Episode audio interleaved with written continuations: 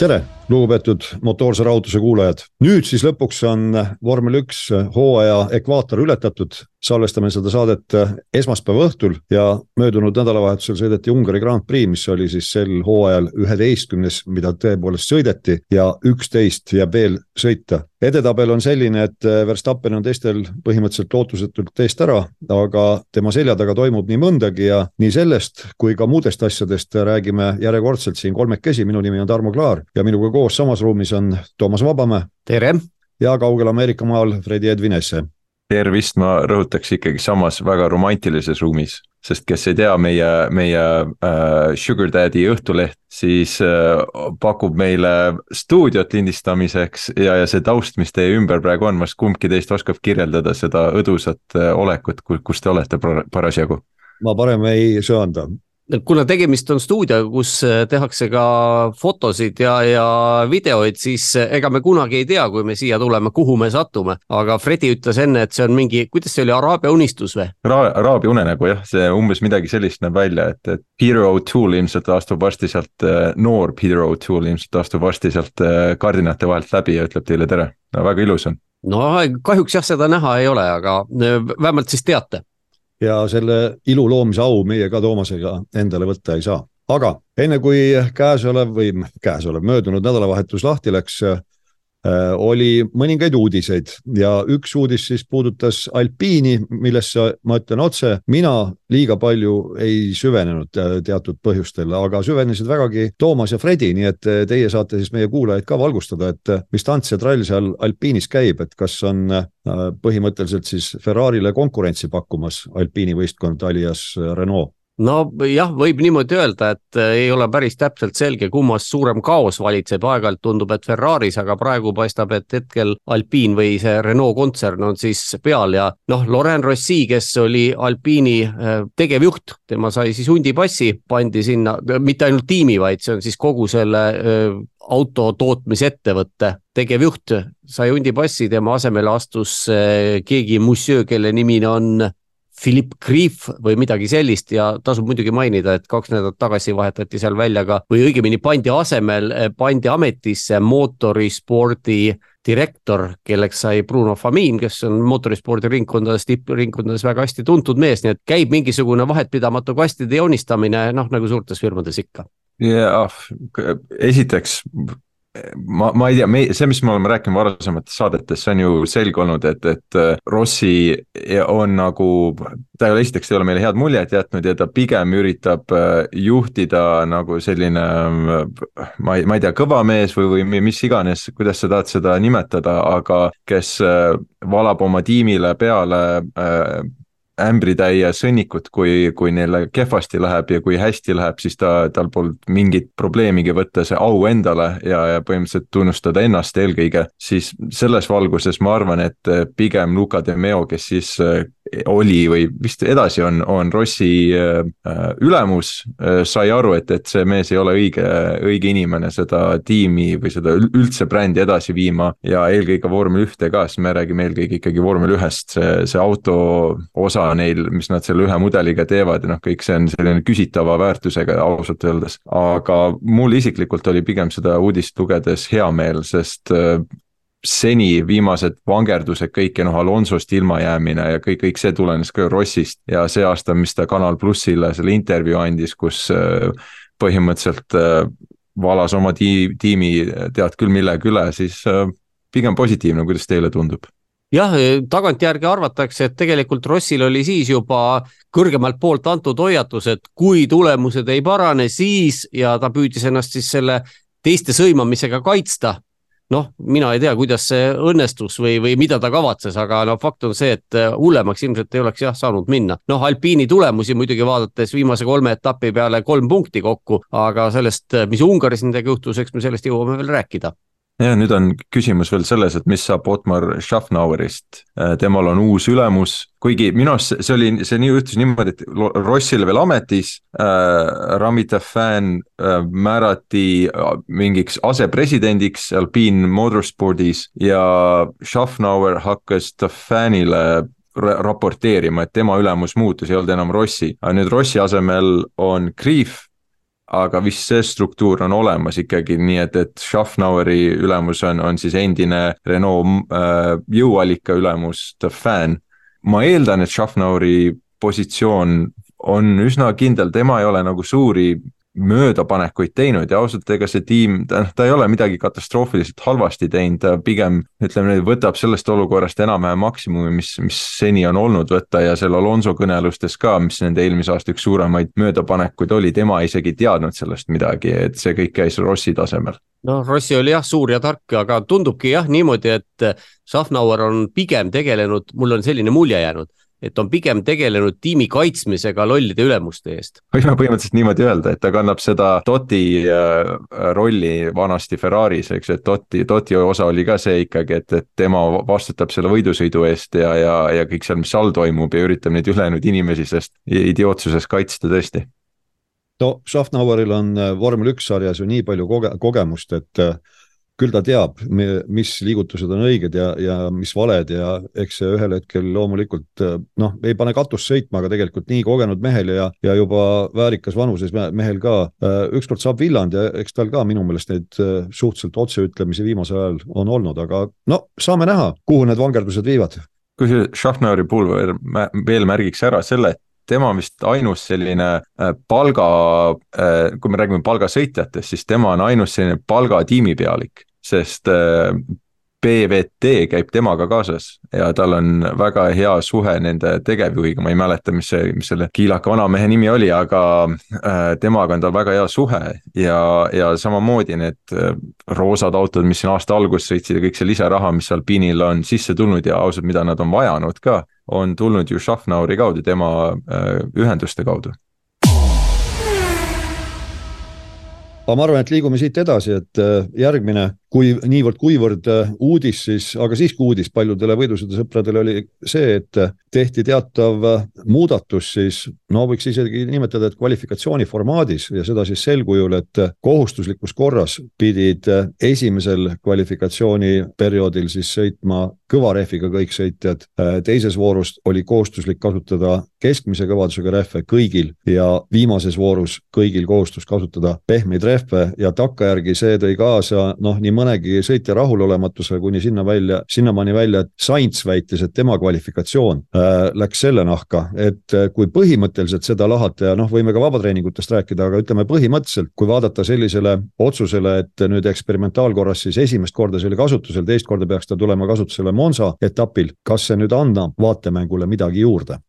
Kui me nüüd räägime päriselt, noh, see oli üks osa, mis sa, see kvalifikatsiooni rehvi valik, siis äh, laiem pilt on ju see, et tegelikult äh, kasutada olevate rehvide hulka vähendati kolmeteistkümnelt üheteistkümne jooksude, ja jooksude arv. ja, ja seal teist, teistmoodi olid jagatud ka rehvi kõvaduste kaupa, sest kui tavaliselt on olnud kolmeteistkümnest kaks jooksu on olnud kõvurehve, siis seekord äh, sellest üheteistkümnest jooksust oli kolm jooksukõvu, neli keskmisi ja neli pehmeid, nii et noh, põhimõtteliselt oli täiesti teistsugune pilt ja loomulikult noh, eks kuna kellelgi kogemust ju sellega ei olnud, siis alguses oldi igaks, igaks juhuks väga konservatiivsed ja ettevaatlikud ja selles mõttes võib öelda, et esimene vabatreening, mis ju põhimõtteliselt sõideti täielikult vihmaga, välja arvatud paar esimest minutit, äh, milleni me veel jõuame ka, siis see päästis paljuski tiimid, nii et ega mina väidan, et tegelikult mingisugust mõju ei olnud sellel mulle ausalt meeldis see, äh, kui me räägime nüüd reedesest, paljud sõitjad hädaldasid, et reedel oli, oli need, oi, meil on nii kahju pealtvaatajatest ja tulime siia ja nüüd nad ei näe sõitmist ja mida iganes. okei, see on võib-olla veidi tõsi äh,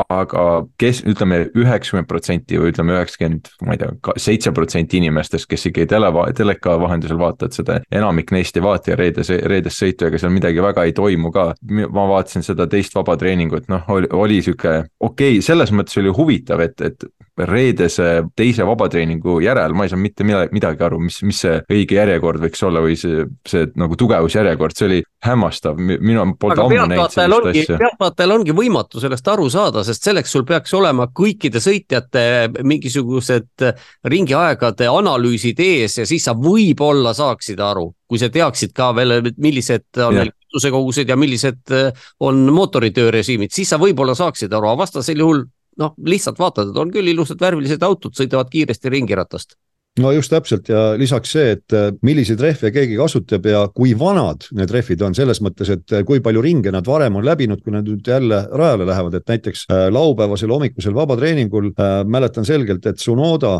ja Ricciardo Alfa Tauris olid radikaalselt erineva vanusega rehvidega, kuigi sama kõvadusega, aga erineva vanusega rehvidega rajal. Ja tavainimene seda ei tea, ta ei näe, ta ei saagi seda teada no aga need ongi ju treeningud, treeningutel valmistutakse võistluseks noh, kes tahab põhimõtteliselt... vaadata, noh, palun vaadaku, aga see, et ta midagi sealt aru saab, see ei pea ju ilmtingimata olema niimoodi. absoluutselt ja see on nüüd selle testimise piirangutega ka modernne F1 ju taandub, nagu reede taandubki testimiseks põhimõtteliselt. palju uuendusi tuuakse rajale ja, ja see ongi selline uute juppide, mis iganes asja testimine ja kui mõni sõitja pidurdab või lõhub enda rehvid ära või, või pidurdab kandiliseks, siis see lisab siis lisatundmatust selle kõigele, Perez tegi seda ju äh, ka sõitis rajalt välja ja, ja Verstappenil oli kohe palju rohkem teha, sest Verstappen pidi nüüd mõlemat nagu seda testisessiooni katma siis nagu me ütleme, mõlemate või erinevate rehvi kõvadustega ja nii edasi. ja kui see tähendab ka seda, et mõni eesolev äh, võistkond ei saa võib-olla täit pilti enda uuendustest äh, ja võib-olla selle tõttu on rohkem kadunud ja annab mõne keskvälja võistkonnale parema võimaluse nendega konkureerida, siis minu arust see on ainult tervitatav see lisab jälle sellise väikse lisateadmatuse äh, faktori sellele kõigele juurde. et minu arust reedene, ma ei tundnud ka kuidagi, et see oleks nagu oi vähem autosid äh, sõitnud seal rajal, et oleks teine vabatreening kehvem olnud. ja kui laupäeva juurde tuleme, siis minu arust see oli jälle autosid oli palju rohkem rajal, kogu aeg käis, eriti Q3-s käis, vabandust, Q1-s käis kogu aeg andmine, kõik olid kogu aeg rajal nende kõvade rehvidega, sõitsid äh,, autod olid korralikult bensiini täis pandud ja kõik sõitsid, kogu aeg toimus midagi. Ja, ja see kvalifikatsioon üldiselt oli minu jaoks väga põnev, sest jällegi ei olnud äh, mingid Red Bullid, Mercedesed ei saanud äh, eelist sellega, et nad ei, ei pane neid äh, või võib-olla sõidavad Q1 kõvemate rehvidega ja saavad eelise, säästavad rehve, et sellist asja ka ei olnud, nii et minu jaoks igati positiivne areng selles, selles osas minu jaoks ka, et äh, lõppkokkuvõttes me sinna kvalifikatsioonideni jõuame ja nende ringiaegadeni ja kes üllatas ja kes, äh, kes siis valmistas pettumuse, aga põhimõtteliselt minu jaoks ka, see on päris hea lahendus tegelikult. Ja kui me mõtleme sellele, kui vähe on ju madalamates klassides vormel kahes, vormel kolmes rehve kasutada, siis heakene küll, vormel üks sõidab ka rohkem, neil on, neil on treeninguaega rohkem või, või nagu Fredi siin tegelikult ütles, testiaega ei pea olema ilmtingimata see kolmteist äh, jooksu, pingutage, mõelge, poisid, rohkem peaga, saate üheteistkümne jooksuga hakkama ka. Ja see, et pealtvaatajate pärast muretsema hakata, noh, andke andeks, see on minu meelest silmakirjalikkus. miks te siis äh, vihmaga sõitma ei läinud, istusid kõik kakskümmend autot garaažis pikka aega, keegi ei sõitnud, keegi ei muretsenud pealtvaatajate pärast. jah, just seda enam, et äh, noh, väidetavalt oli teada, et pühapäeval tuleb nii, nii kuiv, no pange show püsti siis, näidake, kuidas vihmaga sõidetakse. No,, niikuinii teil neid rehve tarvis ei lähe. just, just täpselt, mitte mingit probleemi poleks ju olnud, kui, kui niimoodi vaadata, et show jäi kehvaks no täpselt see üks sõitjatest oli Hamilton, kes ütles, et oi, et aga me raiskame kõiki neid äh, vihmarehve, et me ei pane neid nädalavahetuse jooksul allagi ja siis need lihtsalt hävitatakse ja nii edasi ja nii edasi. reedel vihma sadas, miks ei kasutatud siis? et noh mida, mida te räägite, et ühel hetkel oi, et ühtegi autot ei käi väljas, siis kui sul või, ja vihmarehve lihtsalt äh, raisatakse, aga kui on võimalus neid kasutada ja minna rahva ette sõitma, mitte midagi noh, et üleminekurehvid olid eh, liiga kehvad, liiga vett oli liiga palju, no pannud siis täisvihmarehvid, milles probleem? jah, ja tihtipeale kurdetakse just selle üle, et eh, noh, vihma tihtipeale pole ja vot seda kogemust jälle selle vihma ja, ja üleminekurehviga väga ei ole ja no palun väga, teile anti võimalus ju, ilmataat pakkus teile, aga te ei võta vastu, pirtsutate. kunagi pole hea seal, kus meie oleme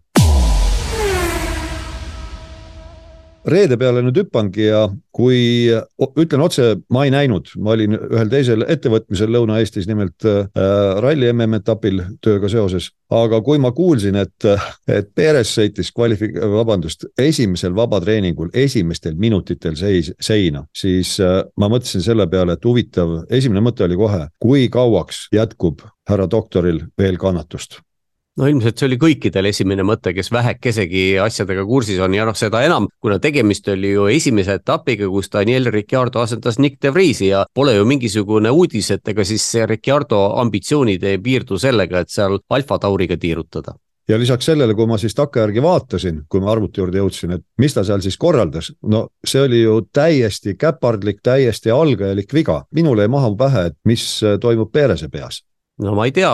võib-olla oli seda vaja, seda väikest põrutust, sest kui mõtleme nüüd laupäeval oli ta niimoodi enam-vähem, aga pühapäeval oli ju super ja,. jah, jah, okei okay,, eks me jõuame sinna pühapäevani ka veel, aga, aga see väljasõit jah, no juhtub, pigem oli see, et, et ajastus oli hästi kehv selle, selle kõige osas, et äh, neid asju juhtub. aga selle osas, et Ricardo seda kohta nillib kahe tuhande kahekümne viiendaks aastaks, isegi Horner ütles. Horner ise ütles välja, et Ricardo nagu eesmärk on kaks tuhat kakskümmend viis olla Red Bulli roolis. Ja Red Bulli asju, nagu ütleme seda äh, varasemat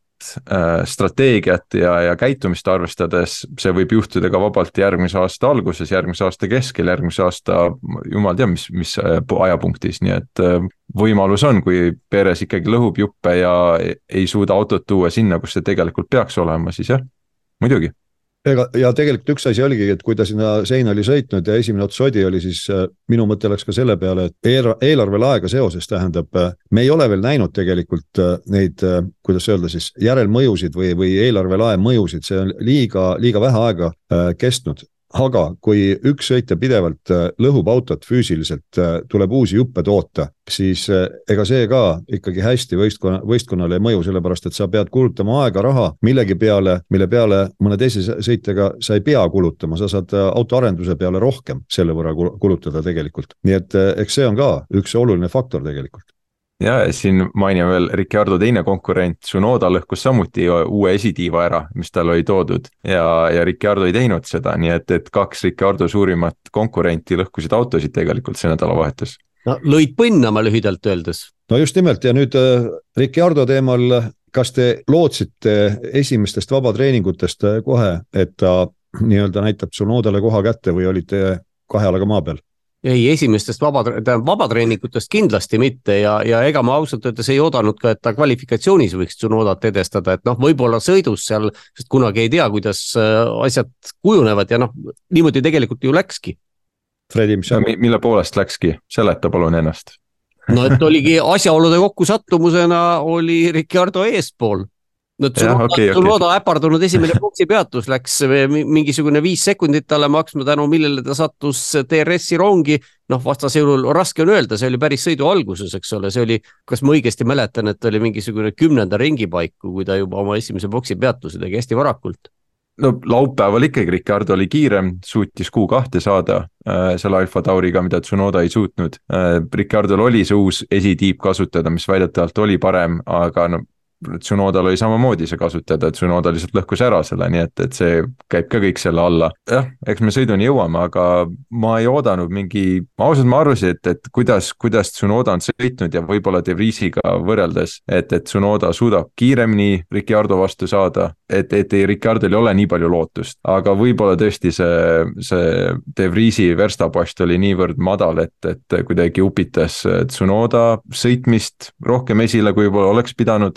seda on nii, nii raske nüüd öelda, eks me saame parema pildi siin järgnevatel üle, ülejäänud hooaja sees, nii et. kui teie ei taha vabatreeningutest rohkem rääkida, siis hüppame kohe kvalifikatsiooni juurde. kvalifikatsiooni rehvi valik, see tõi välja tegelikult ühe huvitava asja, et kui vabatreeningutel ikka vaatad ja mõtled, et mida nüüd keegi seal teeb ja kas see kiirus on ehtne või mitte, siis mind üllatas tõsiselt Alfa Tauri, et just neil kõvadel rehvidel oli neil seda kiirust küll ja veel või vabandust, Alfa Romeo. Ma just tahtsin jah küsida, aga Alfa Romeo, nagu ma aru saan, oligi katsetanud äh, ka vabatreeningute jooksul kõikide rehvidega neid üksikuid kiireid ringe, noh, meie seda loomulikult aru ei saa, mida nad parajasti teevad, aga, aga tundub, et see kandis vilja. Muidugi jah, minule tuli see samamoodi üllatusena, sest ega ju, ega ei tea ju Ferrari simulatsioonid, Charles Leclerc rääkis sellest, et Ferrari, tema ei usk, tema arvas, et Ferrari simulatsioonidel on mingi, midagi viga, midagi väga valesti ja mis näitas, et Alfa Romeod on kuskilt äh, Q3-s üs, üsna tugevad. Ja Leclerc ütles, et tema arvates oli see viga, aga lõpuks tuli välja, et ei olnud äh, kuidagi sobis see, see rada äh, neile, aga nagu me nägime, ega see midagi lõppkokkuvõttes neile ei tähendanud et see, et see laupäeval sobis. kõigis äh, kolmes voorus sõidetakse ju kerge autoga tegelikult, mida ta näitab, näitab äh, noh, niivõrd-kuivõrd seda hetkekiirust konkreetse rehviga, aga mulle väga, tegelikult isegi võiks öelda, et väga meeldib see lahendus, vähemalt pärast esimest katsetust, et kõik on sunnitud igas voorus täpselt ühe sama rehvi seguga sõitma ja, ja noh, reeglina püütakse ka sõita kõige värskema rehvi komplektiga. aga nüüd jällegi oli selline standardne lugu, kus kvalifikatsiooni esimeses voorus viimase viimasel minutil tahavad kõik olla sellel kõige magusamal ajal rajal ja siis läheb hirmsaks süüdistamiseks, äh, kusjuures äh, minu meelest takkajärgi oli huvitav see, et äh, Russell ei süüdistanud mitte neid kaaskonkurente, kes sellest džentelmenide kokkuleppest kinni ei pidanud. nimelt on siis väidetavalt selline noh, nii-öelda suusõnaline kokkulepe sõitjate vahel, et kui minnakse kiirele ringile, siis üksteisest sellel rehvisoojendusringil mööda ei sõideta. no me nägime, et see kuskilt otsast see kokkulepe ei pidanud ja Russell pigem süüdistas võistkonda, mina ütleksin niimoodi, et kõik need vennad, kes jäid seal, no ei saanud edasi järgmisesse kvalifikatsioonivooru, kõik peaksid oma võistkonda süüdistama. no mina ei ütleks kõik, sest noh, olud on ikkagi erinevad. Russeli oleks tiim võinud rahulikult saata kolm minutit varem välja, tema sõitjana ja tema auto on nii palju paremad et tema oleks ka kindla peale minnes, mitte nendes optimaalsetes oludes, tõenäoliselt sõitnud välja aja, mis oleks ta edasi viinud. kui seal vaatame, kes meil seal veel edasi ei saanud, noh, Tsunoda võib-olla oleks ka saanud, aga Sargent näiteks ja, ja Albon. kes Albon, noh Albon tõenäoliselt oleks ka võib-olla saanud, aga, aga ei saa, mina ei ütleks, et päris kõik peaksid niimoodi, niimoodi vaatama, et seal ikkagi olud on erinevad. Russeli puhul kindlasti jah, ole, ma olen nõus, et tiim oli see, kes, kes oleks pidanud mõtlema natukene paremini sellistele asjadele, seal on ju lühike rada, ta on kitsas rada, mööda sa kuskile ei saa jah, seal Russell ise isegi tunnistas, et ta ei pane pahaks seda, et ta oleks ise ilmselt samas olukorras äh, teinud no,. et samas olukorras sama teinud. jah, nii et mööda läinud ja see on ju korduv, see on ju korduv, seda juhtub ikka noh, päris mitte kõikidel etappidel, kas see oli kaks tuhat kakskümmend üks Monza, kui oli eriti hale naljakas, kui seal jäigi keegi, kas see oli see Leclerc, kellel vist jäigi kiirele ringile minemata, sest järjekord oli nii pikk minu arust see oli, Sainz oli ainukene, kes sealt sellest rivist kõik, kõik üritasid üksteist lollitada seal, et noh, kes nüüd läheb ette ja Sainz oli ainukene, kes sellest rivist mööda sõitis ja jõudis kiirele ringile, võib-olla keegi tema taga ka, aga sellega oli ka kõik. tollel samal etapil oli ju ka vormel kolmel oli minu mäletamist mööda, kas seal oli mitukümmend sõitjat, kes said karistada just sellepärast, et segasid teisi, noh umbes samasuguses olukorras, nii et rumal, rumal olukord, aga veider on veel rumalam on see, et keegi ei õpi sellest teisel kvalifikatsiooniperioodil, ega see tants ja trall selle edasipääsu ümber oli ikkagi väga-väga tihe, et selles mõttes, kui me vaatame nüüd, et kõik võistkonda, võistkonnad on järjepanu toonud äh, uuendusi oma autodele ja nüüd kaks järjestikust rada siin, äh, Silverstone ja äh, Hungaroring on noh, mitte päris nagu siga ja kägu, aga ikkagi väga-väga erinevad rajal, rajad, siis äh, mina ütleks nii, et rõõm on tõdeda, et, et McLareni need uuendused paistavad tõesti toimivat erinevatel radadel, kuigi no Lando Norris näiteks oli üsna sõnakalt skeptiline. no samas võib öelda teistpidi, eks ole, et Aston Martin, mis eh, Silverstone'is nägi kehv välja, nägi ka Ungaroringil kehv välja. just. nii et ei ole nad midagi nii erinevad rajad ja Max Verstappen võitis mõlemas aga olukord. kui, kui sellest räägime, siis jah, McLaren oli absoluutselt, nad isegi üllatasid ennast, minu arust Andreas Stella ütles ju intervjuus, et nad, nad isegi ei oodanud seda, et nad äh, nii hästi äh, liiguvad Ungaris, sest see on, see on tõesti, see oli vanasti McLaren oma Honda jõuallikaga, eks oli kakssada hooajas, kus nad suutsid Q3-e jõuda, oli Monaco ja Ungari. ja, ja seal, seal oligi see nagu see nende, see oli just see, kus Mercedes oli kõige nõrgem alati, just nendel kahel rajal samuti ja Red Bullil oli veidike võimalust äh, neid võita. sellises olukorras see, et mis McLaren on, on suutnud teha, nagu overall üleüldiselt lihtsalt väga tugev auto, kuidagi, kuidagi nad on leidnud selle uuendustega lihtsalt nagu nupust vajutan nüüd seda. minu jaoks ka üllatus, nende enda jaoks üllatus ja, ja seda lihtsalt meeldib näha. Ja just, et see vormimuutus on olnud tegelikult äh, väga järsk, see, see vormikõver on üles läinud ja niimoodi nagu rakett ühtäkki, et seda ikka noh, naljalt tänasel päeval, kus on testipiirangud ja eelarvepiirang, seda ikka naljalt ei näe no ja, ja kui mõelda sellele, et kolm etappi tagasi äh, McLaren oli Alpinist veel taga, Alpin viimase kolme etapiga on saanud kolm punkti, McLaren viimase kolme etapiga on saanud, äh, ma nüüd peast ei mäleta, aga minu meelest oli mingisugune seitsmekümne punkti ringis. seitsekümmend jah. nii et noh, nii, nii on, aga sellised muidugi, kui me mõtleme McLareni ajaloole tagasi, siis eks nad selliseid äpardunud autosid, mida on hooaja jooksul tulnud kibekähku parendada, eks selliseid asju on varemgi tulnud, aga huvitav on muidugi see, et tänapäeval niimoodi veel hooaja keskel on üldse võimalik, sest kõik ju kurdavad, laulavad ühest soost, suust nagu koorilaulu, et reeglid on inseneridelt igasuguse loomingulisuse võimaluse ära võtnud ja ei ole võimalik, kui sa oled midagi valesti teinud, siis ei ole midagi võimalik enam parandada, no tuleb välja, et ikka on küll. Mõlemas suunas on võimalik liikuda, nagu Aston Martin näitab ka nüüd. Tundub, et nemad on täiesti kadunud, nad selgelt viies äh, kiiruselt võistkond või auto ja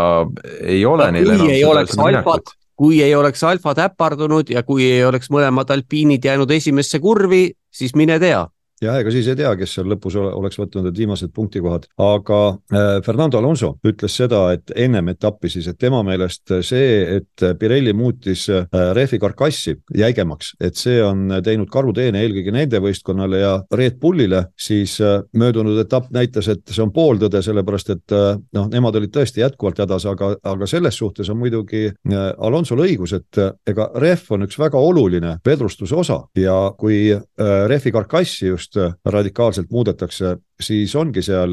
võistlusinseneridel üksjagu, üksjagu nuputamist, et see maa, maakülg uuesti saada, see auto, et äh, see jõud kõik maha panna ja et ta juhitav oleks. Verstappen ju tegelikult kurtis, et äh, kerge auto oli neil vähemalt seal Ungaris äh, suhteliselt ettearvamatu, et võistlustempos siis, kui auto on raskem, siis ta oli oma autoga rahul, aga just, et sõita kerge autoga seda ühte ringi, ma saan aru, et ükskõik millise rehviga nendest kolmest, kui ta andis intervjuud pärast kvalifikatsiooni, siis Verstappen oli selgelt rahulolematu, et see ei olnud selline teeseldud, et, et mingit probleemid on. jah, aga nagu pühapäeval selgus, siis ilmselt oli Red Bull meelega sellise seadistuse teinud, mis pühapäeval kindla peale töötaks, isegi kui kvalifikatsioonis tuleb natukene järele anda. Ja noh, Verstappen tegelikult oli ju väga legidal, ta oma viimasel kiirel ringil oli veel viimasesse kurvi tulles oli Hamiltonist eespool. Ja seal ta kaotas mingisugune ligi kaks kümnendikku ja Hamilton siis lõpuks jäi kolme tuhandik sekundiga peale, nii et ega see ei olnud ka võimatu, noh lihtsalt nii geniaalne sõitja, et ta suudab sellise tema mõistes poolpiduse autoga ka kõiki teisi edestada, mis omakorda ütleb ka seda, et teised autod on on ikka täielikult sõnnikuvankrid Red Bulliga võrreldes. klassikaline selline Schumacheri ajastu äh, ütleme, olukord selles mõttes, et, et ük, üks mees kuidagi autoga sobitub nii hästi ja suudab, suudab midagi imelist luua, et, et see, seda, seda tõesti, et ta ei suutnud oma ringi kokku panna täpselt nii, nagu ta oleks pidanud, et see ideaalne äh, aeg või see optimaalne aeg, vabandust, jäi, jäi saavutamata, seetõttu ka Hamilton, kes tegi jälle väga hea, pani enda jaoks ilmselt ideaalse ringi kokku, suutis ta tõdestada väga vähesega ja seal on teine, teine pool on see, vaat kui nüüd meenutada, kui Mercedesel oli hübriidajastu alguses oli tohutu ülekaal jõuallika osas siis tänu sellele said nad kasutada niisuguseid seadistusi, mida ükski teine tiim ei saanud. ehk see mootori võimsus, mida neil oli rohkem, see võimaldaski autole laiema tööakna, nad said igasuguseid asju sellega teha. ja praegu on Red Bullil mitte mootori võimsus, aga tundub, et sellise üldise aerodünaamilise efektiivsuse arvelt nad saavad lubada endale niisuguseid asju, mida teised tiimid ei saa lubada ja väidetavalt olid nad Ungaris lihtsalt keeranud aerodünaamilist surujõudu väga palju peale just nimelt selle eesmärgiga, et seisaksid rehvid töökorras pikemalt võistluse ajal. ja teine asi, mida nad tegid, mida oli see ka nende uuenduste pakett, mis seisneski põhiliselt selles, et optimeerida auto jahutust. Ungari ringil esiteks on temperatuur tavaliselt kõrge, teiseks seal tuleb palju pidurdada, sirged on lühikesed ehk jahutus on väga kriitiline see on tõesti kriitiline ja see väidetavalt ka aitas Hamiltoni, sest Mercedes oli läinud üliagressiivseks jahutusega või selle jahutuse puudumisega eelkõige siis, mis väidetavalt võib ka olla kuni paar kümnendikku väärt ja äh, selle tõttu ka Hamilton oli suurem võimalus kvalifikatsioonivõit võtta, aga kui, kui ülekandes ka te kuulsite samamoodi, et äh, loeti Hamiltoni sõnu peale, et, et praegu on temperatuurid on, on kriitilised peaaegu, et Hamilton pidi ka lift and coast'i tegema üsna palju, et, et see jälle takistas teda sõidus, nii et Red Bullil selliseid probleeme nii väga ei olnud. ehk ütleme niimoodi, et Red Bulli insenerid olid kavalamad ja mõtlesid kaugemale ette meie kuulajatele teadmiseks, kes siis kvalifikatsiooni ei vaadanud ja võib-olla isegi sõitu pole vaadanud, et äh, Hamilton võitis kvalifikatsiooni Verstappeni ees siis äh, nagu Toomas ütles, vaid kolme tuhandik sekundiga ja Lando Norris oli kolmas, jäi maha ainult null koma null kaheksakümmend viis sekundit. no nii tihedat rebimist äh, pole ammu näinud ja edasi tulid seal Oscar Piastri, Guan Yu Zhou Alfa Romeoga viiendal kohal, kuues oli siis äh, Charles Leclerc, seitsmes Valteri Bottas, jälle Alfa Romeo, äh, kaheksas oli Fernando Alonso, üheksas Sergio Perez, kümnes Nico Hülkenberg, Hülkenberg näitas jälle, et Haasiga saab äh, kiiresti sõita ühe ringi peale, aga muidugi see oli minu jaoks natukene, võib-olla isegi veidi mõnitav pärast kvalifikatsiooni, kui Kristjan Horner kiitis Perest, et Perez tegi väga hea kvalifikatsiooni. no loomulikult, kui võtta taustsüsteemina viimased viis kvalifikatsiooni, siis oli tõesti väga hea minust läks see mööda täitsa, et ta kiitis. kiitis. nojah, võta sa okay. ta kinni, et meie ei tea, kuidas tuleb Sergio Perezit motiveerida. Horner võiks seda juba teada. noh, võib-olla Horner teab, et väike selline torge, et see siis motiveerib äh, poissi rohkem hüppame sinna pühapäeva nüüd ja ütleme niimoodi, et äh, eks need kvalifikatsiooni tulemused olid päris intrigeerivad, sõideti ju kvalifikatsioon tegelikult kuivaga ja seal erinevate rehvi segudega jäigi mulje, et äh, äkki Alfa Romeo näiteks on äh, tõesti ka kiiruse saavutanud ja, ja tõsiselt võitlevad seal punktide pärast, aga kõik ilusa rikkus ära. stardis siis mingisugune probleem, mida ennem seda meie podcast'i salvestust mina ei tea, tähendab, ma vahepeal siin ei ole saanud väga ajakirjandust jälgida, kas on siis välja tulnud, mis see probleem oli, Guan Yu Zhou väitis, et tema tegi kõike nii, nagu pidi, aga ometigi ta vaevalt läks liikvele ja seal tekkis tema selja taga täielik segadus, mis lõpuks tingis selle, et ta ise korraldas äh, kahe alpiini katkestamise esimeses kurvis. ma lugesin seda tiimi seletust, ma ei mäleta, see oli mingisugune sellise äh, krüptilise kommunikatsiooni tipptase, ühesõnaga võis välja lugeda mitte isegi ridade vahelt, vaid kuskilt äh, ülejärgmise lehekülje all servast, et äh, autol kuidagi see programm ehk tarkvara, see läks äh, otsustaval hetkel lolliks ja show ise kirjeldas, mis siis toimus. Põhimõtteliselt sel hetkel, kui ta, ta enne starti peab hoidma pöördeid, mootoripöördeid teatud tasemel, need hakkasid langema, siis ta vajutas gaasi põhja, midagi ei juhtunud, siis sel ajal anti start nii et tal autol rakendus see väljasuremisvastane süsteem ja noh, edasi juba nägime, kõik läksid paremalt või vasakult mööda ja show siis muidugi tegi, siis kui ta sai liikvele, ta ei olnud päris viimane veel tol hetkel, aga siis ta tegi andestamatu vea sellega, et läks ühte äpardust kohe esimeses kurvis parandama, noh, jäi selgelt pidurdamisega hiljaks, kuigi see tõks, mis ta andis Ricciardole, ei olnud tugev, aga sellest piisas, et Ricciardo omakorda sõitis otsa Oconile ja Ocon juba lendas otsa tiimikaaslasele Pierre Gaslile, kes oli väga hea stardi teinud ja oli kõvasti kohti võitmas ja alpiinid jäidki siis sinna, kõik ülejäänud autod said edasi üllataval kombel sõita ja Toomas võttis selle hästi kokku ja ega seal ei olnudki midagi, vaadates, kus äh, Ricardo jäi jah sinna, Ricardo sai veel difuusori kahjustuse. no mitte küll äh, palju. jah, aga väidetavalt natukene seal oli ja noh, nägi Piastri puhul me nägime ka, et kui, kui midagi ikkagi juhtub seal põranda difuusori osaga, siis see, võib, see kukkumine võib olla märkimisväärne äh,. mitte, et Ricardo'l oleks olnud sama, samal tasemel seda, jah, põhimõtteliselt rikkus, minu jaoks oli see, see karistus oli natuke naljakas, et kui sa võtad, ütleme, rikud kolme auto sõidu ära, nendest kaks on täiesti sõidust väljas, siis viis sekundit karistust saada on natukene naljakas minu jaoks aga see on, ei ole tegelikult naljakas, see ei sõltu äh, tule, tagajärgedest, vaid see sõltub rikkumisest. põhjustasid kokkupõrke, kas seal põrkad kokku ühe autoga või põrkad kokku kõigi üheksateistkümnega, põhimõtteliselt vahet ei ole. mis, mis Valteri said äh, toona, kui ta torpeedos seda esimest kurvi seal? Ei mäleta. ei mäleta, tõesti ei mäleta, sa võib-olla mäletad. aga see oli toona, jah. ta sai järgmiseks etapiks sai, minu arust oli kolm kohta karistada. Äh, stardirivis tõsteti tahapoole, kui ma õigesti mäletan kas see on ekvivalentne viie sekundiga, ma, ma ei oska öelda. siis olid muidugi, ma ei tea, kes siis žüriis ja olid ja kuigi ma tean, kes siis oli võistluse juht. jah, keegi Michael Maasi, kui äh, stardist rääkida, siis äh, ülekande ajal ka, kui Toomasega seal koos vaatasime ja, ja püüdsime kommenteerida, siis mul torkas silma see, et äh, Hamilton sai kehva stardi. no Hamilton ise ütles, et start oli enam-vähem normaalne, teised said parema stardi, aga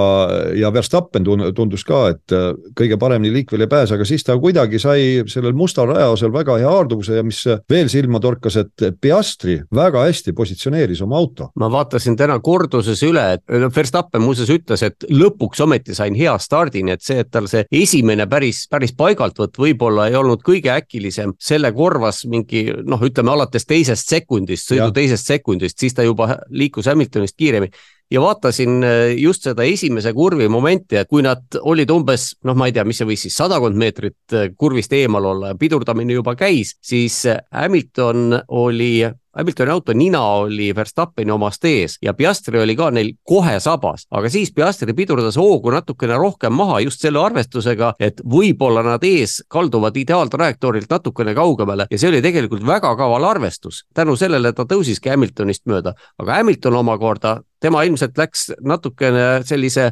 maksimumprogrammi peale, üritas võitu maksimeerida, tegelikult kukkus täpselt vastupidi välja. oleks tema ka natukene niimoodi järele lasknud veidi varem, siis jah, Verstappen oleks temast mööda läinud, aga ta üsna tõenäoliselt oleks jäänud teiseks. praegu läksid temast mööda mitte ainult äh, Piastri ja, ja loomulikult ka Verstappen, kes põhimõtteliselt oli juba läinud mööda, vaid järgmises kurvis kasutas kohe olukorra ära ka Norris täpselt nii oligi, Hamilton oleks natukene järele andnud, oleks teise koha säilitanud, ma olen täiesti nõus sellega, aga, aga ta. aga no sa ei saa välja... anda Verstappenile järele ju.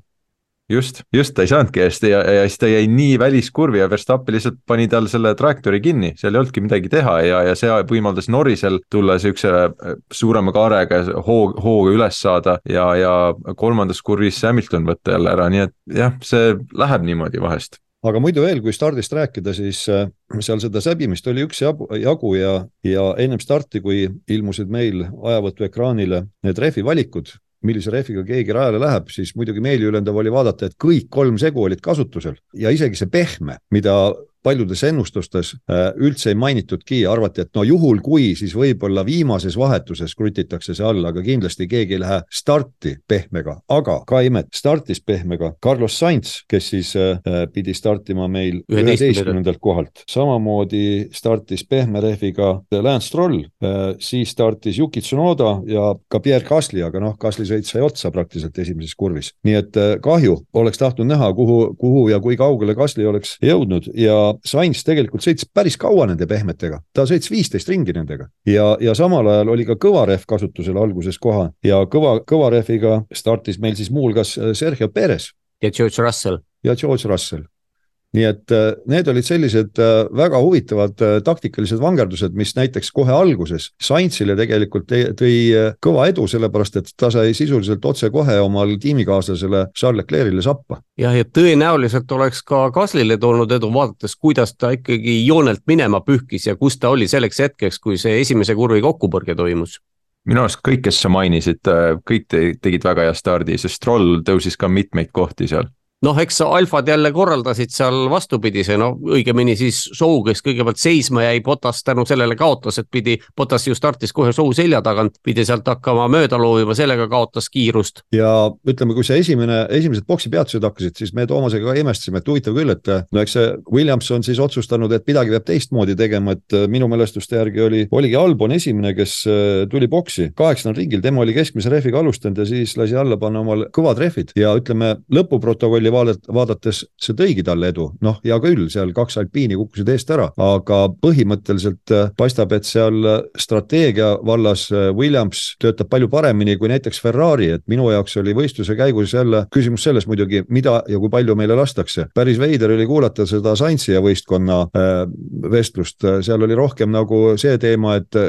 kuule, Saints, et mis me nüüd teeme, anna nõu. rääkimata sellest, et Leclerc'il raadio ei olevat töötanud, et ei, õigemini noh, töötas, aga, aga see signaal, mis sealt äh, läbi läks, enamasti ei olnud arusaadav noh, Ferrari, Ferrari sõidutaktika muidugi on omaette, seda me vist oleme enam-vähem kõigis saadetes puudutanud ja, ja kui seal juhtub midagi õigesti minema, siis me oleme seda eraldi kiitnud, aga no kas seekord läks õigesti, noh, Saintsi rehvi valik põhimõtteliselt võis öelda, et alguses läks õigesti, aga, aga see noh, kui sa räägid, et võeti Albon varakult sisse ja, ja otsustati, et teistmoodi teha, siis tegelikult Ricardoga oli ju sama lugu, et Ricardo ju sõitis oma kolmandal vahetuse nelikümmend ringi eh, ühe ja sama rehvi jooksuga ja seejuures need ei olnud mitte kõvad rehvid, vaid keskmised ja, ja seda kindlasti keegi ei julgenud ennustada, nii et Ricardo, kui oleks väga vaja olnud, ilmselt oleks suutnud ka ühe boksi peatusega selle kogu distantsi, seitsekümmend ringi läbi sõita. väga võimalik jah. kui kui palju Ricardo, Ricardo sõitis jah vist mingi üksteist ringi nende kõvade rehvidega, midagi sellist. just, teine vahetus oli hästi lühike tal, aga, aga noh, nagu ta ise ütles, et äh, ta oleks jäänud vastasel juhul, kui ei oleks teinud teistmoodi, jälle see, et, et kui sa tahad saada konkurentidest kuidagi mööda pääseda, siis sa pead tegema midagi teistmoodi kui nemad ja see oligi niisugune kastist välja mõtlemine ja seekord tõi edu, et Ricardo oli suuteline kõik tema vanad oskused, oma vanad oskused pani mängu ja oli suuteline neid rehve nii kaua poputama, kõik need nelikümmend ringi, mis vaja oli. jah, minu, minu spikker ütleb, et Ricardo kõvadel rehvidel sõitis ainult neliteist ringi, kui teised sõitsid vähemalt kaks korda rohkem. selle keskmise seguga tõesti, ta oli ne, mingi nelikümmend kolm ringi lõpuks rajal jah, see, ta oli, oli muljetavaldav tõesti selles mõttes ja ta ise ütles seda tiimile, palun andke mulle midagi, mis, mis, mis, et ma, ma pigem tuleks boksi ja, ja, ja andke mulle vaba õhku nii-öelda. ma saaks midagi teha, vastasel juhul ma olen kinni teiste taga ja see on ka jälle üks see, et, et sa üks eelis võib-olla, miks sul on kogenud sõitja, kellel on seda kogemust ja nagu ei, ei pimesi ei, ei järgigi seda, mis, mis võistkond talle ette, ette paneb või, või ta suudab kaasa mõelda või pakkuda tiimile teisi variante. et, et töötame äkki teeme nii või naa. Ja, ja ma kahtlen veidi, et De Vriesilt seda tuli, et meil ei, mulle küll ei meenu mingit sellist olukorda, kus tema, tal oleks olnud seda kümne etapi jooksul, nii et jälle üks, üks lisaeelis, miks omada sellist sõitjat ehk ja noh, tuline kahju muidugi, et lä, siis Lando Norrise tiimikaaslasel Piastril see difuusori viga või põhjavigastus oli, aga kust ta selle sai, kas üle äärekivi sõites, tal ju nagu otsest sellist füüsilist kontakti ei olnud ju? see oli minu teada kõige tõenäolisem oli see koht, kui ta äh, ei andnud Perezile järele ja läks sealt kolmandast kurvist välja, siis ja läks, siis ta läks rajalt välja ja seal ta ilmselt lõhkuski endale ära see ja see oli mõttetu koht, Perezil oli see käes niikuinii, et minu arust seal veidikene see ei taha öelda kogenematu, sest tegu on väga asjaliku, nagu, nagu ma rääkisin esimesest kurvist ja just väga ettenägelik. aga, aga võib-olla tõesti, tõesti väike kogemuse puudumine, et seal ei olnud mõtet enam minna edasi pressima sellega ja, ja pigem anda see koht ära ja, ja selle tõttu ka ta kannatas. võib-olla oleks suutnud Hamiltoni vastu kaitsta, ma arvan, et ta oleks suutnud küll, kui tal oleks auto terve olnud ja aga lõppkokkuvõttes ikkagi see, et kui vaatame lõpuprotokolli, Verstappeni ülekaal sellises lõppkokkuvõttes puhtas sõidus, kus äh, virtuaalset turvaautot ei olnud, turvaauto rajale käinud, kolmkümmend kolm koma seitse sekundit ütleme selles valguses just, mida me nägime kvalifikatsioonis. ütleme niimoodi, et Varksi ma arvasin, mitte ei lootnud, vaid arvasin, et küllap ta eest ära läheb, aga et see edumaa nii veenev tuleb, seda ma ikkagi kvalifikatsiooni põhjal ei eeldanud. no see on tänavune kõige suurem edu, mis võitjal teise koha ees on olnud üleüldse, noh ja enamikus on ju võitja olnud Verstappen ise kusjuures kõik käisid kolm korda boksis, et ütleme, seal ei olnud ka seda, et keegi käis seal eesotsas vähem või rohkem või, või et seetõttu, seetõttu. kaks see... korda. No mainime siis selle ka ära, et see oli. kolm, kolm, kolm rehvi komplekti oli kasutusel, jah, kaks boksi peatust, vabandust, jah. Jah, no oleks võinud neljanda ka veel teha.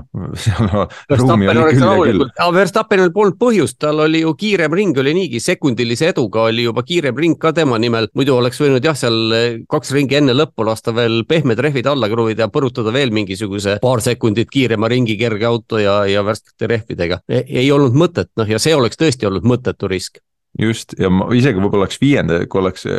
taktikat optimeeritud, võib-olla oleks isegi vi viienda boksi peatuse veel suutnud sinna sisse surada, sest oleks pehmemate rehvidega suutnud kiiremini sõita ja teha Schumacheri Magnikuris äh, kaks tuhat neli või mis aasta see oli jah, nii et äh, see on ja mainime siin selle ära siis, et äh, kaheteistkümnes võit järjest ühele võistkonnale, F1 rekord. kui Verstappen peaks järgmise veel võitma, siis on jälle uus rekord, on kolmteist võitu järjest ja kaksteist võitu järjest ühel hooajal. sellepärast, et omaaegne McLareni rekord aastast tuhat üheksasada kaheksakümmend kaheksa sündis kõik ühel aastal. nüüd äh, sellel Red Bulli sarjal esimene võit on veel eelmisest hooajast poodiumil nüüd juhtus selline lugu, et üks auhinnakarikas läks katki, kes viitsis lõpuni vaadata, takkajärgi siin on noh, on olnud sellist küll lööpimist, küll, küll tõsisemat, tõsisemaid pretensioone, aga väidetavalt siis need auhinnad, mis seal esikolmikule jagati, on käsitöö Ungari mingisugusest väga prestiižsest sellisest keraamikatehasest ja need karikad olid maksnud nelikümmend viis tuhat eurot kes seda nägi, seda poodiumitseremooniat, siis Lando Norris tavatseb siis niimoodi šampanjat pritsida, et ta lööb selle šampusepudeli põhja vastu poodiumit, siis see kihisev hakkab sealt ohtralt välja tulema ja ta tegi seda nii jõuliselt, et Verstappen Verstappeni karikas kukkus maha ja siis Norris süüdistas Verstappenit, ütles, et mis ta siis pani selle nii ääre peale seal. jah, aeg-ajalt karikaid ikka läheb katki, et ega, ega seal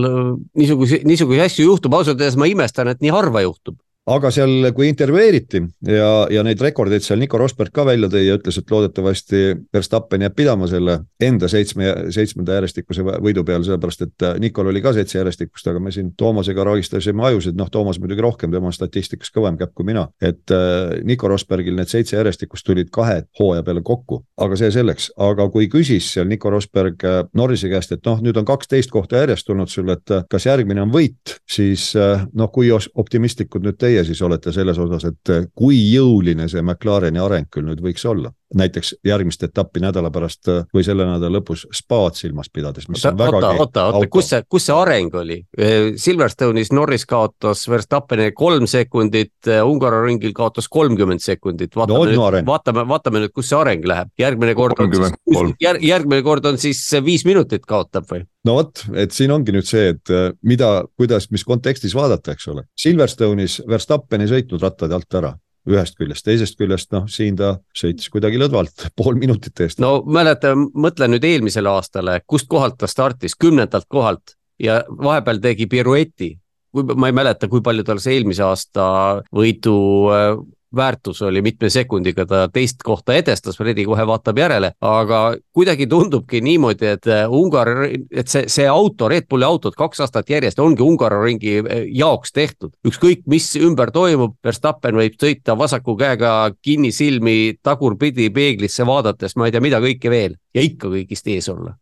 jõudsid vaadata, Fredi, midagi? jah, seitse koma kaheksa sekundit oli eelmine aasta Ungaris edumaa, see oli koos selle spinni ja kõigega, aga, aga mina mäletan eelmist aastat, kui me räägime, et mis, mis siin hakkab toimuma, siis äh, Belgia etapp oli ju eelmine aasta Verstappeni kõige äh, domineerivam sõit üldse. ja, ja seal ta võitis, ma vaatasin just järele, seitsmeteist koma kaheksa sekundiga Perezi ees ja nüüd duubeldas selle see kaks korda rohkem täpselt seesama, sama edumaa äh, Norrises nüüd Ungaris, nii et me oleme rääkinud ka sellest juba, kui Red Bullil midagi katki ei lähe, siis nad, nad võidavad. Nad, ta võidab enamasti no, okay. siiski Max Verstappen, sest Sergio Perez ei ole pärast Miami't ei ole küll võidu lähedalegi jõudnud. jällegi, et see on küll pelk statistika, aga ütleme kiiremate ringide tabelis eilsel võistlusel Perez oli viiendal kohal ja kui võeti arvesse kõigi sõitjate äh, kümne parima ringi keskmine, siis äh, Perez ikkagi ei olnud Verstappeni järel, vaid oli kolmas ja jäi, jäi siis äh, ka Lewis Hamiltonile kuskil null koma nelja sekundiga alla, et nüüd ongi küsimus selles, et ka järgmisel etapil jätame selle selle Verstappeni sinna, kus ta on. mis äh, tema selja taga nüüd toimub, milline see jõudude vahekord on just selles valguses, et, et midagi huvitavat toimus Silverstone'is ja ka, ja ka nüüd, kas nüüd Mercedes ongi tõusnud siis kas kolmandaks ja kas McLaren on, on, on tõusnud teiseks kiiruse poolest? No esiteks selle Perezi kiiremate ringide puhul tuleb arvestada, et tema ju sai üsna vähe vabal rajal sõita, temal Õige. käis, e-, enamasti käis hirmus tants ja tagaajamine ja siis, kui ta vabalt sai sõita, siis ei olnud rehvid enam kõige paremas seisukorras, nii et seda ei maksa väga südamesse võtta, minu meelest on spaas on ainus küsimus, et eh, kuidas Perezil õnnestub kvalifikatsioon. no see on alati küsimus. kehvasti mis seal muud ikka öelda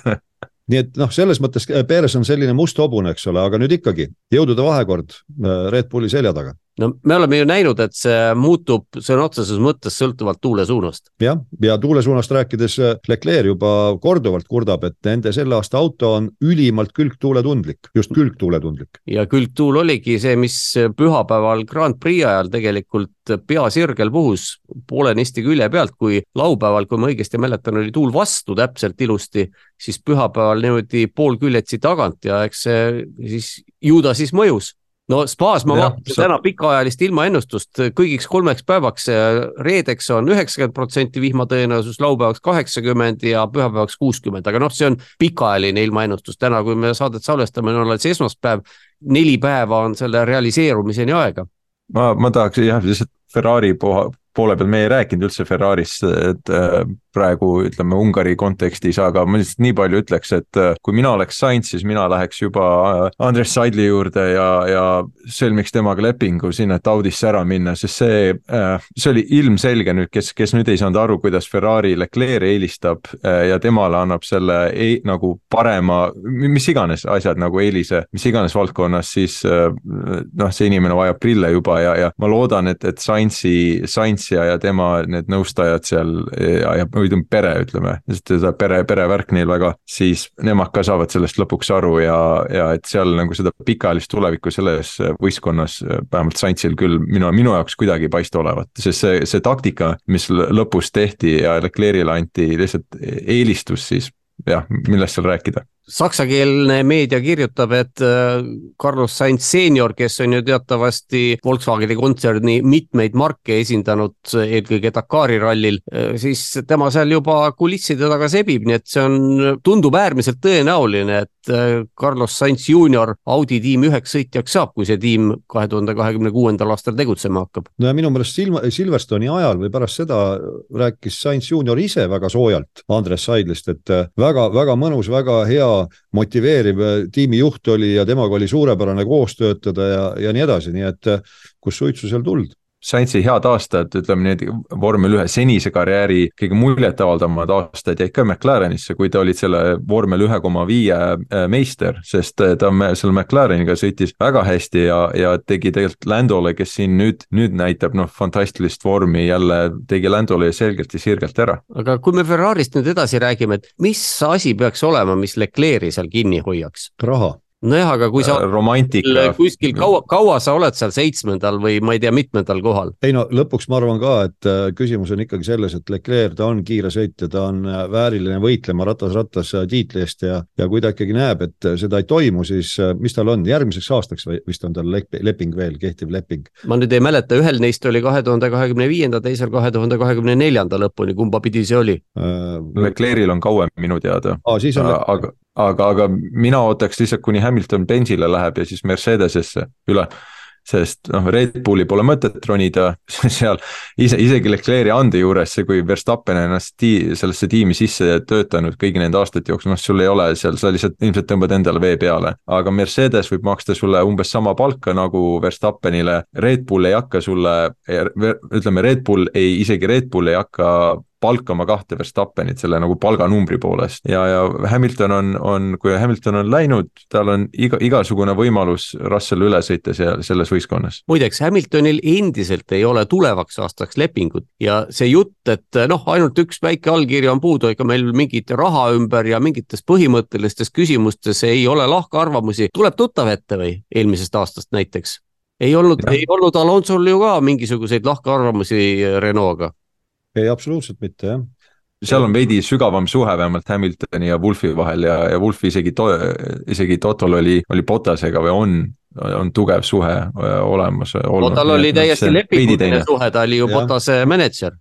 just aga Toto on muide ka viimasel ajal väga soojalt Leclerc'ist rääkinud, nii et siin on noh, igasuguseid selliseid märke on õhus, et midagi siin lähi, lähitulevikus nüüd äh, sõitjate turul toimuma hakkab. Äh, kas seda, sellest kõigest meile kohe räägitakse, see on iseküsimus, aga mul on kurjad kahtlused, et mingisuguseid eellepinguid sõlmitakse juba, see on samamoodi nagu Raikkoneni üleminek oli Ferrarisse. Tükk aega Ron Dennisele teadmata, aga leping oli juba sõlmitud, nii et äh, midagi analoogilist võib praegu to toimuma hakata ka Leclerc'i ja, ja Sainzi ümber kes siis Ferrarisse jääb alles veel minema, et Alonso jälle tagasi Ferrarisse või? Äh, Robert Schwarzman. no Ferrari'l on ju terve pinutäis noori sõitjaid madalamates sarjades. just, sealt on võtta küll ja veel. millal Ferrari palkas ühe äh, uustulnuka endale võistkonda? no aga kõik tahavad ju Ferrarisse minna. kõige, kõige lähem vist oli Capelli äkki, kas tema sõitis, mitu hooaega ta sõitis enne? Massa äkki okei okay,, Massa sõitis ühe, ühe, okei okay,, see on vist hea, Massa sõitis ühe hooaja, ühe aasta oli pingil.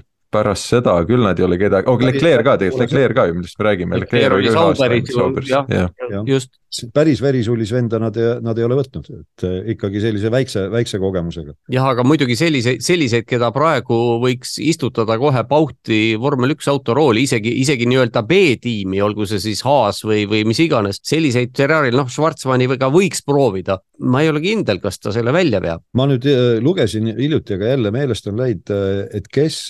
ütles, võib-olla isegi oli Fred Vasseur, kes, kes ütles, et äh, tänasel päeval, kui võtta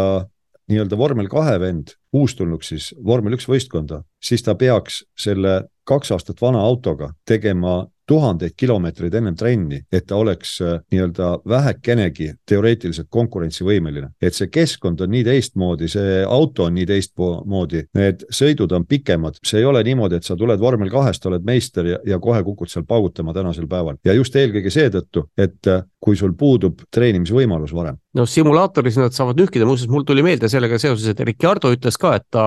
Ungari etapi eel, kuna ta oli nüüd oli ju kui kaua, novembrikuust saati.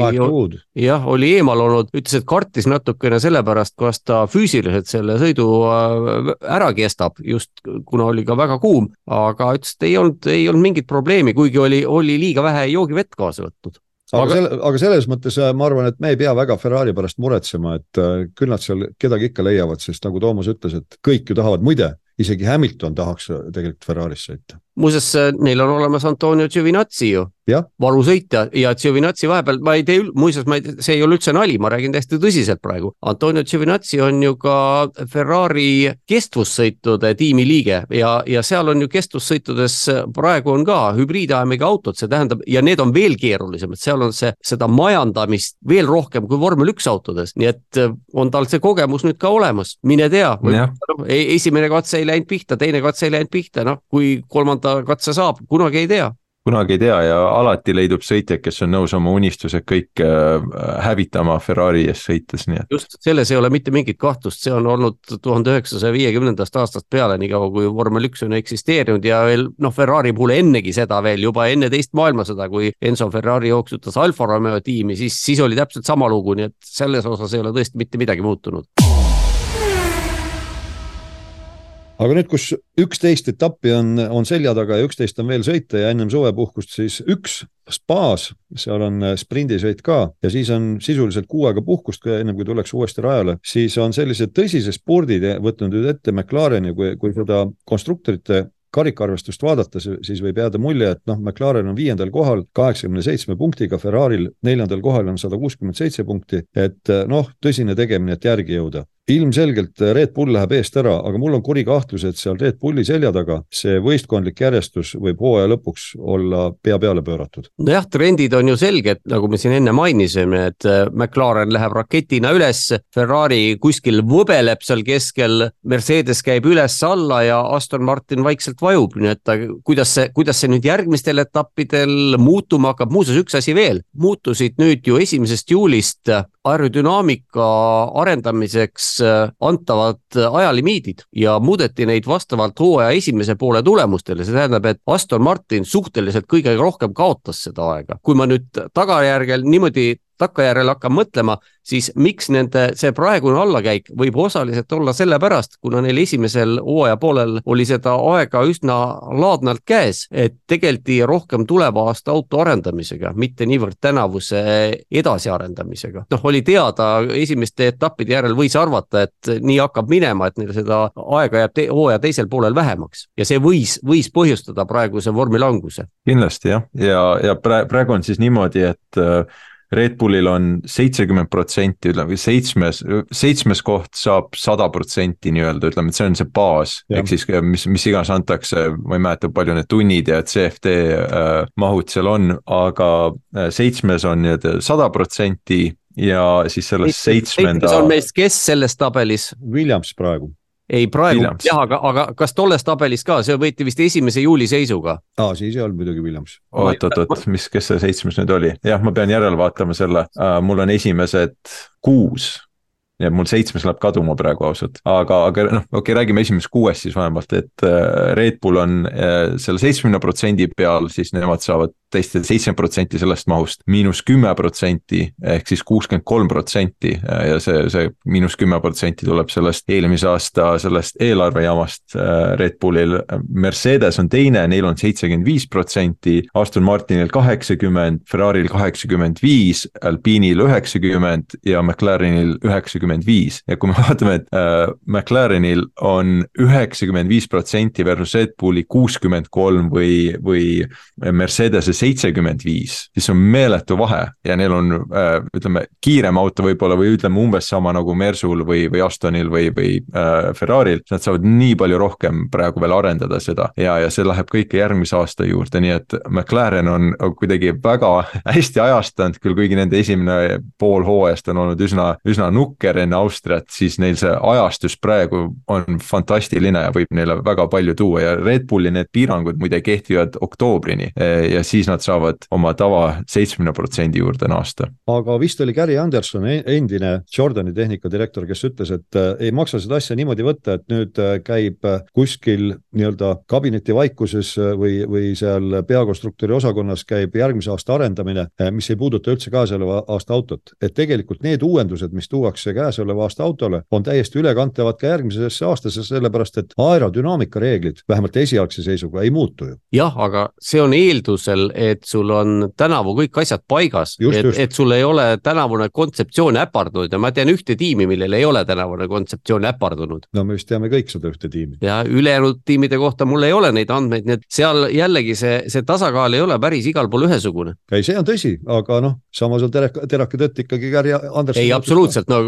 kes veel teab selliseid asju, kui mitte tema just, mis sa Fredi seal veel statistikast välja nüüd nägid või uuri, uurida suutsid? Ma just, just otsin siin seda, kes siis, kes siis seitsmes ja ülejäänud olid uh,. niimoodi, et Alfa Romeo on siis seitsmes, kaheksas on Haas, kes saab sada viis protsenti ehk viis protsenti rohkem kui Alfa Romeo. Äh, Williams on äh, üheksas ja Alfa Tauri siis saab sada viisteist protsenti sellest William, äh, Alfa Romeo ajast. et Williamsil tundub, et on ka vaadates, vaadates, kui palju nad hooaja algusega nii-öelda naturaalselt on paremaks läinud, siis neil on ka päris hea seis selle teise hooaja poole peale. jah, ja, ja, ja siin võistluste sees on ka näha, et tegelikult Williams liigub seal keskmiku hulgas juba juba päris hästi, ütleks noh, punnitas Valteri Potas, mis punnitas, mitukümmend ringi see oli, mis ta Alboni tagatiiba vaatas. ja jäigi vaatama. Pole esimene, see ei, see hooaeg, ei eelmine hooaeg Alboni rong on jah, on tuntud, tuntud tegur võidusõitudes, noh, seekord see rong oli kaunikesti lühike küll, aga, aga pidas hästi. no ja teisest küljest Kes... ütleme, kui jälitajaks on Potas, siis noh, on natukene sinisilmne loota, et ta selline välk ja pauk möödasõitja on. ja, aga kes, kes vaatas neid,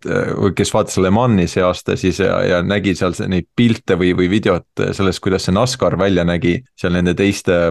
ütleme nüüd Euroopa võidusõiduautode kõrval, siis umbes Alboni, Alboni auto tundub ilmselt väga paljudele sõitjatele samas skaalas olevat, et see on nii suur ja lai, et sellest mööda lihtsalt kuidagi ei saa. jah, see laiuse jutt nüüd on muidugi rohkem selline, ütleme, kujundlik väljend, sellepärast et laiuse piirang on kõigil, kusjuures pikkus ei ole vormel ühes piiratud ju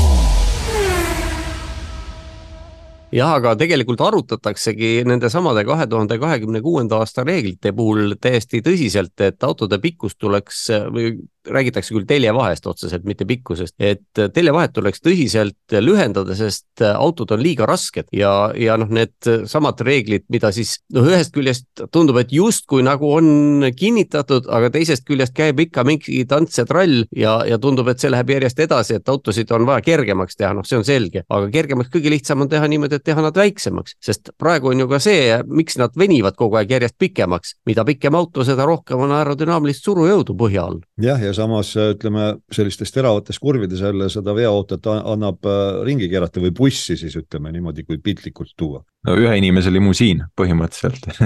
niimoodi juba. aga, aga jutt oli kolmekümne sentimeetri äh, võrra lühendamisest, see teljevahest. ma ei tea, see kolmkümmend senti seal väga olulist visuaalset mõju, ma, ma ei, ma ei ole kindel, et sest ikkagi need autod, kõik muu osa, see nina, need äh, hiiglama suured esitiivad, kõik see, see jõuallika osa, eks ju, ilmselt kasvab ka veel, kui need aku, akud suurenevad ja mootor jääb tegelikult samas skaalas. kui me vaatame eriti neid V, V8 autoga mootori või V10-ga, siis need olid, see mootori osa sest autost on ju nii väike võrreldes praeguse selle pika-pika tagaosaga, kus kõik see jõuallikas elab, nii et ma ei, ma ei usu, et seal nagu nad midagi väga olulist saavad teha, võib-olla mingi paarkümmend kilo ehk suudavad teha, aga, aga noh, see paarkümmend kilo, see on ka umbes nagu viskad Titanicu pealt lihtsalt ühe rannatooli üle parda, nii et ega selles midagi ei muuda. küsimus isegi minu arusaamist mööda ei ole mitte selles, kas äh, maha võtta, vaid kasvu pärssida, et ei läheks mingisugune kaheksasaja, tähendab praegu on laias laastus kaheksasada kilo, eks ole, seitsesada üheksakümmend kaheksa kilo, et see ei läheks ühe Ilma...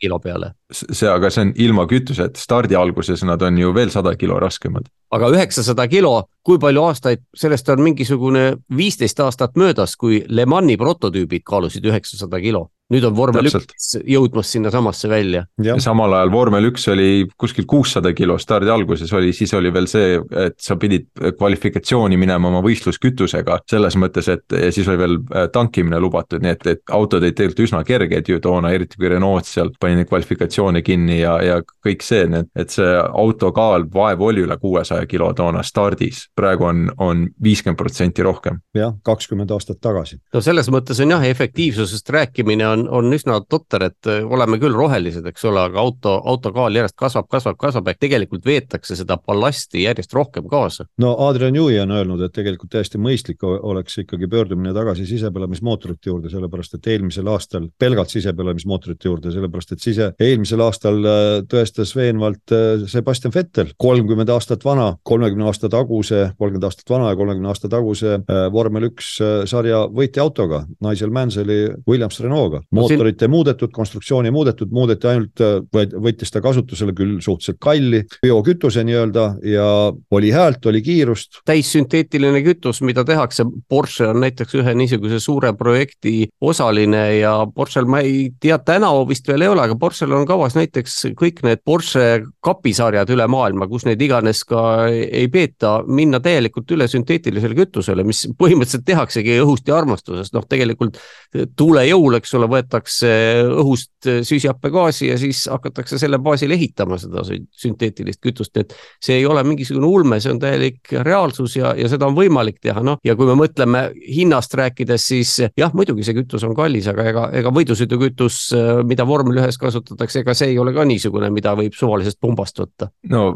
paneme veel need vanasti veel siin oli just äh, Mario Ilieniga olid äh oli see Beyond the Grade'i äh, taskuhäälingus oli osa ja ja need äh, materjalid, mis kakskümmend aastat tagasi mootoritesse pandi ja kõik need noh, millest me räägime, neid tehti, ta ütles sada viiskümmend vist aastas. Ja, ja ülikeerulised asjad ja kõik haruldased metallid ja kõik, kõik muu selline, et, et see oli niikuinii kallis, vormel üks on alati kallis olnud. Ja, ja see, kui see toob mingi tehnoloogilise arengu endaga kaasa, siis vormel üks peakski olema just see suunanäitaja selles osas vähemalt. Äh, okei okay,, kui me räägime mootori tagasiminnes sisepõlemismootori, kas see on just see tulevik, ma ei tea, aga, aga seal peab see balanss olema, balanss olema äh, meelelahutuse ja, ja arengu suunas, nii et, et see sünteetiline kütus, isegi kui ta kallis on, on minu arust väga hea lahendus. mis uudist on hübriidajamitest tänavu, tänapäeval? kui kaua Toyota Prius on tootmises olnud? tahtsin just öelda ma just tahtsin öelda Prius jah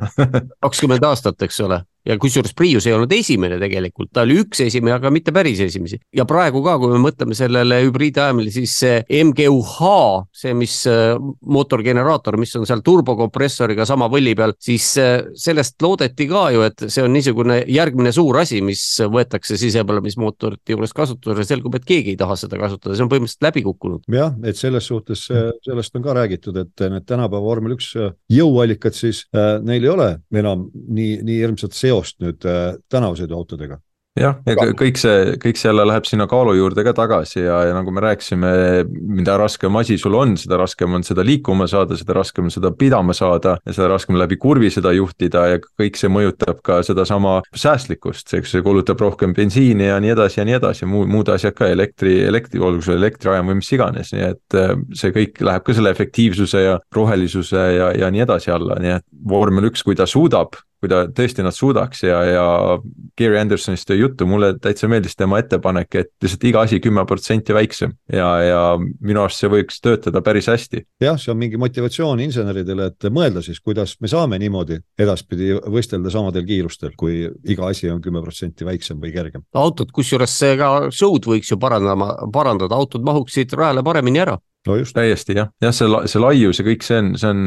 li liiga palju jah aga kuigi üldiselt see valem on õiges suunas, nad on läinud ju õiges suunas, et seega, kui, kui lähestikku Perez oli kaotas null koma nelja sekundiga ja oli üheksas kvalifikatsioonis ja, ja sellist äh, kokku pressitud võistlusrivi me ei ole ikka väga ammu näinud ja, ja nagu see reedene vabatreening ka, ma ei saa mitte midagi aru, kes, kes võiks kus olla ja, ja kõik, kõik see on lõpuks toonud seda äh,, seda, millest vormel üks on nii, nii kannatlikult või nagu hädasti või puudust tundnud, siis äh, see on nii naljakas, kuidas see kõik just äh, vastuolus sellega, mida just Red Bull saavutab just sel hetkel praegu, et nad tegid jälle uue võitude rekordi ja nii edasi, et, et aga, aga samal ajal vormel üks ise rivi on nii lähedal, lähestikku, kui ta kunagi on üldse olnud. see näitab muidugi jälle Red Bulli head tööd, et selles kõvemas konkurentsis ükskõik mis ajastul vormel ühes ei ole nii tugevat konkurentsi olnud praegu ja Red Bull suudab sellises olukorras domineerida seda, et see on väga muljetavaldav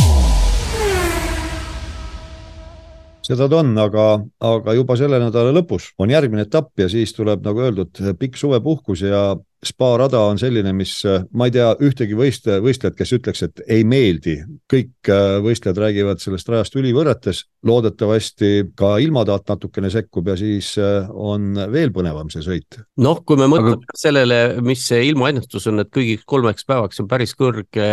saju tõenäosus ja mõtleme sellele, et alles mõni nädal tagasi oli seal üks traagiline avarii Euroopa regionaalvormelisarjas, noh siis need paratamatult need emotsioonid ja mõtted, mis tekivad, on sellised vastuolulised. vastuolulised tõesti, ei tahaks nagu, et need ilmaolustikud midagi väga traagilist endaga kaasa tooks just jälle mingi kokkupõrke näol. aga, aga kui samas... me mõtleme ka kahe aasta tagusele spa etapile, siis seda me ka ei taha ju. jah, jah, ongi, see on väga konfliktne ja, ja samal ajal me oleme näinud, ega need spa etapid on üsna igavad, kui, kui on ilm kuiv ja seal midagi põnevat, no seal ei toimu lihtsalt midagi põnevat. ja, ja me oleme näinud ka ju, kui rada on lühikene ja, ja palju ringe sõidetakse, siis toimub palju rohkem kui see, et rada on pikk ja sõidetakse vähe ringe. no just Ungaris sõideti seitsekümmend ringi, spaas, kui ma õigesti mäletan, peaks nelikümmend neli ringi olema distants, noh siis ongi peaaegu poolteist korda vähem on võimalusi midagi juhtuda. mitu, mitusada ringi sõideti sõideti äh, seal Bahreini sellel välisel nii-öelda sellel ovaalil, see oli mingi peaaegu üheksakümmend või midagi sellist. oligi üheksakümmend ringi. jah, ja vaata, kus seal andmine käis, kogu aeg sul oli möödasõidukohti, kogu aeg midagi toimus ja, ja üks fantastilisemaid äh, vormel üks etappe lähimälus. ja aga noh, jällegi, kui me mõtleme nüüd teistele vormelisarjadele, siis äh, IndyCaris üldjuhul ongi, rajad on lühikesed, vormel ühes pigem rajad kipuvad järjest pikemaks ja pikemaks ja pikemaks minema. tükk aega oli ju spa ainukene rada, mis oli üle viie viie kilomeetri pikk, nüüd on, vabandust, üle, üle kuue kilomeetri, nüüd on seal kuue ja seitsme kilomeetri vahel on veel päris mitu tükki. igatahes on nagu on, järgmisel nädalavahetusel spaas sõidetakse ja loodame, et tuleb põnev võidusõit ja juba pärast spa etappi ennem suvepuhkust saame meiegi kokku ja siis arutame, mis toimus ja mis toimumata jäi. seniks teile kõike head, minu nimi Tarmo Klaar ja minuga koos olid Toomas Vabamäe ja Fredi Edvin Esse, nii et nautige järelejäänud nädalat ennem vormel üks nädalavahetust. head suve jätku kõike paremat, kuulmiseni